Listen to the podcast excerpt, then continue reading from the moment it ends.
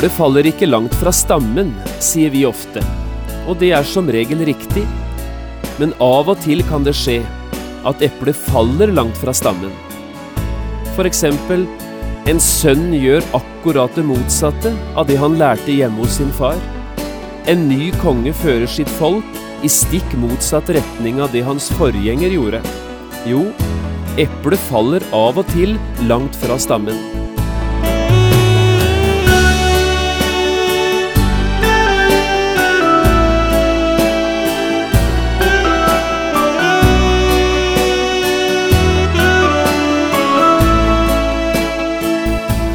Hjertelig velkommen til et nytt program i serien Vindu mot livet. Programmet er produsert av Kristen Riksradio og blir ledet av Jon Hardang. Kristen Riksradio drives av frivillige gaver. Vi er glade for din støtte.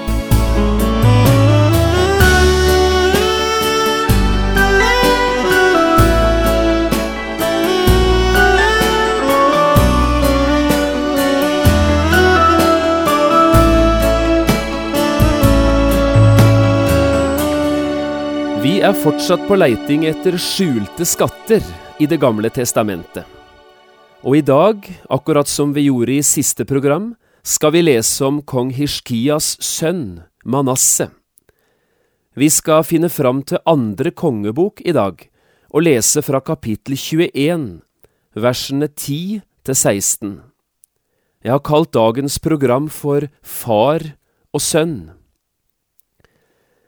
Da talte Herren ved sine tjenere profetene og sa, Fordi Judas konge Manasseh har gjort disse motbydelige ting, gjort det som er verre enn alt det amorittene som var her før ham gjorde, og til og med har forført Juda til synd med sine motbydelige avguder.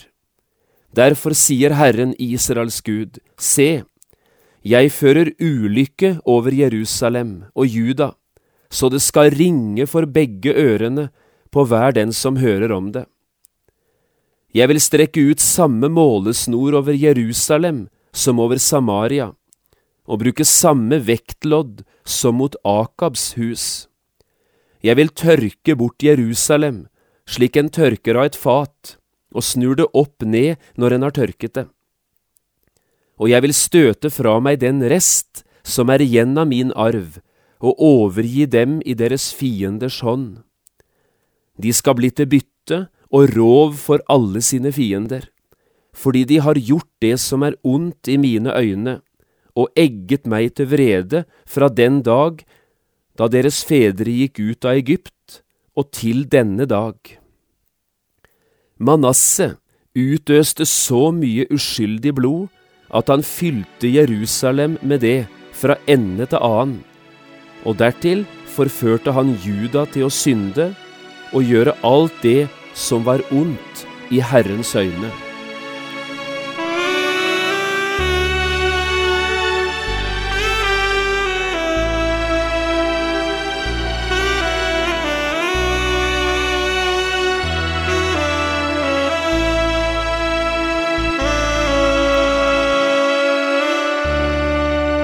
Eplet faller ikke alltid langt fra stammen, sier vi ofte, og det er som regel riktig. Men av og til skjer det likevel, at eplet faller langt fra stammen. En sønn gjør nøyaktig det motsatte av det han lærte hjemme hos sin far. En ny konge fører folket sitt i stikk motsatt retning av det hans forgjenger hadde gjort. Jo, det kan skje at eplet faller langt fra stammen. På en måte er dette nokså nøyaktig beskrivelsen av den kongen vi nå skal snakke om, kong Manasseh. Han er eplet som faller langt fra stammen. Han er sønnen som gjør nøyaktig det motsatte av det hans far hadde lært han. Manasseh er den nye kongen som fører sitt folk i stikk motsatt retning av det hans far hadde gjort. Hvis historien om kong Hishkia er oppbyggelig lesning, og det er den, så er historien om kong Manasseh en nedslående historie. Men det er altså denne kongens historie, Manasseh sin historie, det skal handle om i dag. La oss prøve å summere opp noen faktaopplysninger om denne Manasseh. Han var altså tolv år gammel da han ble konge. Bare en slik opplysning er jo nok til å gjøre en både betenkt og bekymret. Tolv år gammel, og så konge. Han er jo ikke eldre enn at han burde ha begynt på ungdomsskolen. Ellers fikk han være konge i Juda i 55 år, og Manasseh ble den kongen som fikk lengst regjeringstid av alle Judas konger. Faren hans ble dødssyk da han var 39 år, men fikk altså leve 15 år ekstra, da han ba Gud om å få leve og ikke dø. Tre år etter kongen ble frisk igjen, blir kona hans gravid, og så får de sønnen Manasseh. Og det er i disse tolv årene av farens regjeringstid en formidabel nådetid for hele Sørriket Juda, at sønnen Manasseh vokser opp. Men Manasseh, han bryr seg ikke om Gud. Hans hjerte er ikke rettet mot Herren. Han bryr seg null og niks om Guds bud, og går konsekvent sine egne veier. Jeg syns det er helt utrolig, med tanke på den arven han bar med seg. Manasses historie er både alvorlig, urovekkende og tankevekkende. Historien om kong Manasseh er gjengitt to steder i Det gamle testamentet. I andre krønikebok 33, der vi leste fra i forrige program, og så her i andre kongebok 21, der vi leste fra i dag. Jeg synes vi skal lese litt høyt sammen nå fra begynnelsen av andre kongebok 21, for å få et tydelig bilde av denne Manasseh, og så kommenterer vi litt underveis av det vi leser. Jeg vil ikke akkurat kalle dette for oppbyggelig lesning, men det er i alle fall lærerikt og tankevekkende. Vi leser. Manasseh var tolv år gammel da han ble konge. Han regjerte 55 år i Jerusalem. Hans mor hette Hefsiba. Han gjorde det som var ondt i Herrens øyne, og fulgte de motbydelige skikkene hos de hedningefolkene Herren hadde drevet bort for Israels barn.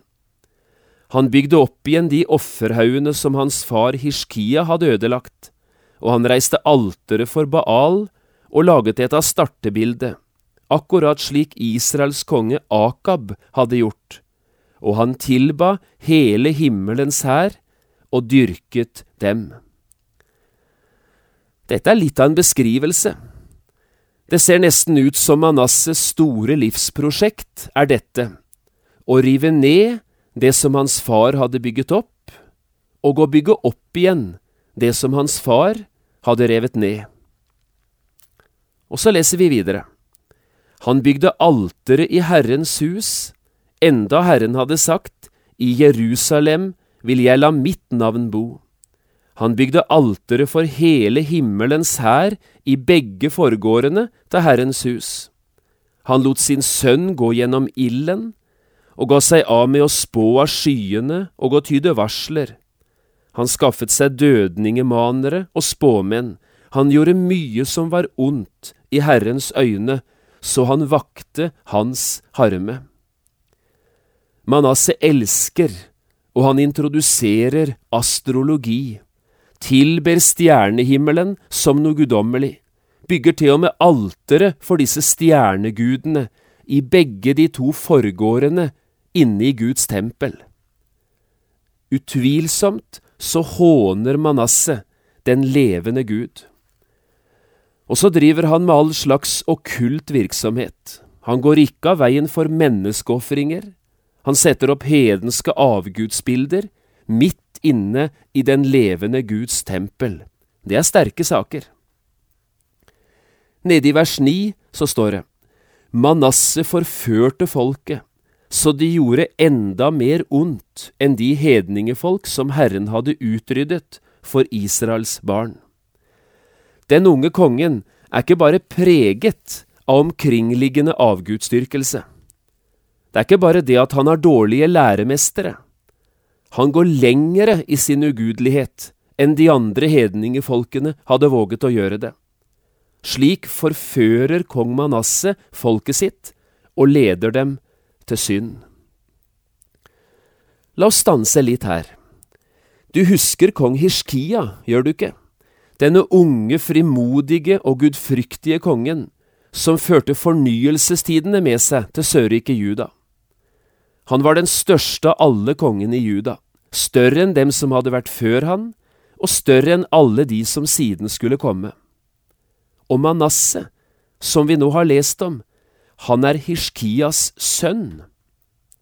Manasseh ble ondere enn alle som hadde vært konger i Juda før han, og han ble ondere enn alle som skulle komme etter han.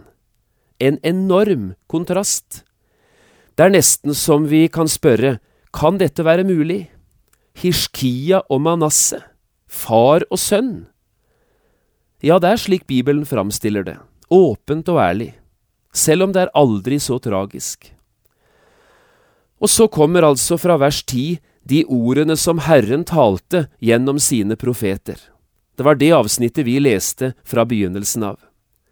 Her varsler Gud at også sørriket Juda kommer til å bli rammet av Guds dom, akkurat slik Nordriket Israel en hel del år tidligere hadde opplevd det. Det skal ringe for begge ørene på hver den som hører om det, sier Gud. Ingen skal være i tvil om det når ulykken rammer land og folk, at dette er Guds dom over et vondt og gjenstridig folk. Men profetordene syntes ikke å ha noen virkning på Manasseh. I vers 16 så står det at han utryddet de rettferdige menn i Jerusalem. Det ble et forferdelig blodbad over hele byen. Josefus, denne jødiske historieskriveren fra Jesu tid, bekrefter dette der. Han skriver, Manasse slo i hjel alle rettferdige menn i Juda. Han plaget og trakasserte Herrens profeter daglig, og Jerusalem fløt i blod. Ellers sier tradisjonen at det var Manasse som fikk profeten Jesaja drept. Vet du hvordan det skjedde? Profeten ble saget i to. Det er nesten som vi har problemer med å tro at dette kan være kong Hishkias sønn. Ble det så ingen forandring i Manasses liv? Jeg tror vi skal slå opp i andre krønikebok 33 og lese noen vers også der. For en dag rammet ulykken både kong Manasseh og hele hans folk. De ble, som Gud hadde sagt, angrepet av asyrerne og den fienden som Gud hadde vernet hans far, Hishkia, mot, den sto Manasseh hjelpeløs overfor. Det står slik fra vers 10. Herren talte til Manasseh og hans folk, men de aktet ikke på det. Derfor lot Herren asyrerkongens hærførere komme over ham. De fanget Manasseh med kroker og bandt han med to kobberlenker og førte han til Babel. Men da han var kommet i nød, bønnfalt han Herren sin Gud og ydmyget seg dypt for sine fedres Guds åsyn. Og da han ba til Herren, bønnhørte Gud ham. Herren hørte hans ydmyke begjæring og førte han tilbake til Jerusalem, så han fikk sitt rike igjen. Da sannet Manasseh at Herren er Gud. Manasseh ropte altså til Gud mot slutten av livet. Nøden og forfølgelsen tvang han i kne.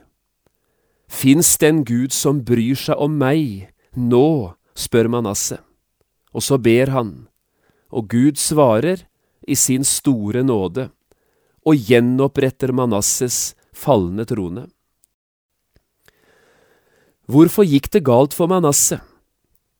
Hvordan kunne en kongesønn, med den arven han hadde, gjøre det Manasseh gjorde? Med en far og en mor som elsket Gud og tjente Gud av et helt hjerte. Hvordan kunne noen oppføre seg slik Manasseh gjorde det? Jeg tror ikke det fins noe fullstendig svar, men vi kan prøve å gi noen antydninger. For det første, Manasseh ville verken høre på eller bøye seg for Guds ord. Vi leste jo nettopp om dette. Herren talte, og Manasseh aktet ikke på det. Jeg vet ikke, kanskje snakker jeg i dag til en tenåring? Hør da, ingen kan leve på sine foreldres tro. Det kan ikke du heller gjøre.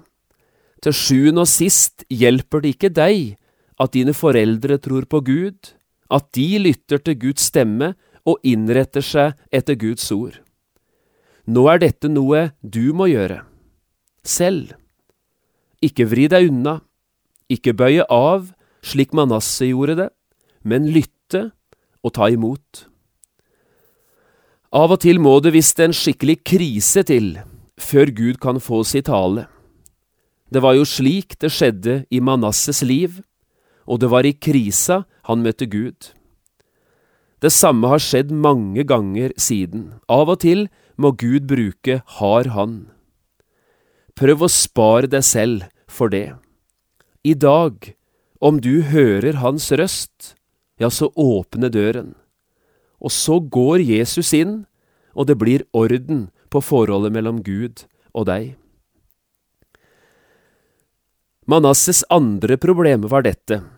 Han valgte dårlige og ukloke venner, medarbeidere og rådgivere. Manasseh var sterkt påvirket av ukloke rådgivere. Han valgte seg ugudelige venner og hentet sine forbilder helt andre steder fra enn fra Guds ord og fra Guds menn. Du husker kanskje referansen til Akab, kongen i Israel. Han reiste alteret for Baal og lagde et astartebilde, står det, slik som Israels konge Akab hadde gjort det. Manasseh brukte denne ugudelige kongen som modell, og Akab var ikke den eneste. Fra mange andre nasjoner hentet han inspirasjon, til astrologi og trolldom og alskens elendighet. Han studerte slike ting. Hvor lærte han å komme i kontakt med åndene hen? Hvor lærte han spiritisme? Fra sin far? Langt ifra. Han lærte det på egen hånd. Han valgte selv sine rådgivere. Og så det tredje. Det er nok mulig at Manasseh kan ha vært oversett av sin egen far. Dette må vi nok si med en viss forsiktighet, for Bibelen snakker ikke direkte om dette. Men likevel, kanskje var Manasseh, i noen grad i alle fall, oversett på grunn av hans egen fars uhyggelige travelhet. Vi leser i alle fall ikke et ord i Bibelen om at Hishkia tilbrakte tid sammen med sin sønn. Og hvis det er riktig, er iallfall Manasses opplevelse at han nesten ikke hadde noen nær familie. Dette er sagt som ettertanke til noen hver av oss. Jeg er jo tenåringspappa sjøl, og veit at jeg nå sitter i glasshus. Men det slår sjelden eller aldri feil travle, betydningsfulle, innflytelsesrike og opptatte foreldre får av og til rebeller til barn. Og forklaringen er enkel. Barna som vokser opp, er aldri imponert av travelhet eller betydningsfulle og innflytelsesrike foreldre. De er bare imponert over én ting – foreldre som gir dem oppmerksomhet, som ser dem, som bryr seg, og som viser omsorg foreldre som elsker dem uansett og uten betingelser. Så vanskelig det er for mange av oss travle foreldre å lære denne leksa. Hva kan vi lære av historien om kong Manasseh? Jeg syns vi til slutt skal ta fram tre viktige lærdommer. For det første, lær barna dine å ta ansvar for sitt eget liv. Dette er den beste og kanskje den eneste måten å komme seg vel gjennom livet på. Å lære å ta vare på seg selv, respektere seg selv, ta ansvar for sitt eget liv. Det er bare på den måten jeg våger å stå fram, stå fram med min egen overbevisning, også om jeg risikerer å stå aleine. Det andre, prøv å lære barna dine hvor lett det er å komme på glid Alt skjer så fort i vår tid, også de forandringene som finner sted. Ting syns å forandre seg over natta. Det er vel ingen generasjon som har opplevd forandringer og opplevd utvikling slik vår generasjon har gjort det. Det kan være positivt, men det kan også være farlig. Også verdier forandrer seg. Gamle, trygge grenser blir borte, og grensemerkene blir flyttet. Synd modnes, og ondskapen blir stadig verre. Noe som tidligere var synd og galt i alles øyne, syns nå å være ok. Og i møte med dette der forandres vi selv. Dette er farlig. La oss hjelpe hverandre til ikke å justere kompasset etter noe annet enn det som er uforanderlig, Guds ord. Og så til slutt, bruk tid sammen med dine barn, mye tid. Dette siste kan vi sikkert ikke stresse sterkt nok. Bruk tid. Ta tid. Visst har vi det travelt, både du og jeg. Visst har vi viktige ting å gjøre. Visst har vi ansvar for ting som vi må gjøre. Av og til er oppgavene så store at vi ser ut som det skjeve tårn i Pisa i vår hverdag. Og allikevel, ta tid. Vi har bare barna våre hjemme én gang. Jeg tviler på det fins noen som angrer på at de brukte for mye tid på barna, men jeg er nokså overbevist om at det er mange som angrer på at de hadde så lite av tid for sine. Selvfølgelig har vi fremdeles ingen garanti for at vi ender opp med gode foreldre og oppegående barn. Verden er fortsatt verden, synd er fortsatt farlig, og alle er vi, enten vi er foreldre eller barn, underveis. Og allikevel, vi prøver. Det finnes vel egentlig bare én perfekt far, vår gode himmelske far. Og kanskje vi skulle avslutte programmet i dag med å takke Gud at vi virkelig får lov å være Hans barn. Og så minner vi hverandre om at den eneste perfekte far som finnes, er den far som har flere barn ute på viddene enn alle andre i denne verden. Kanskje er det ikke bare din feil, da, om det gikk galt hjemme hos deg. Om det er du som fremdeles bærer hjertesorgen ved å se dine barn leve i landet langt borte. Prøv å være en god mor eller en god far. De er tross alt dine barn fremdeles, er de ikke? Også de som befinner seg i landet langt borte.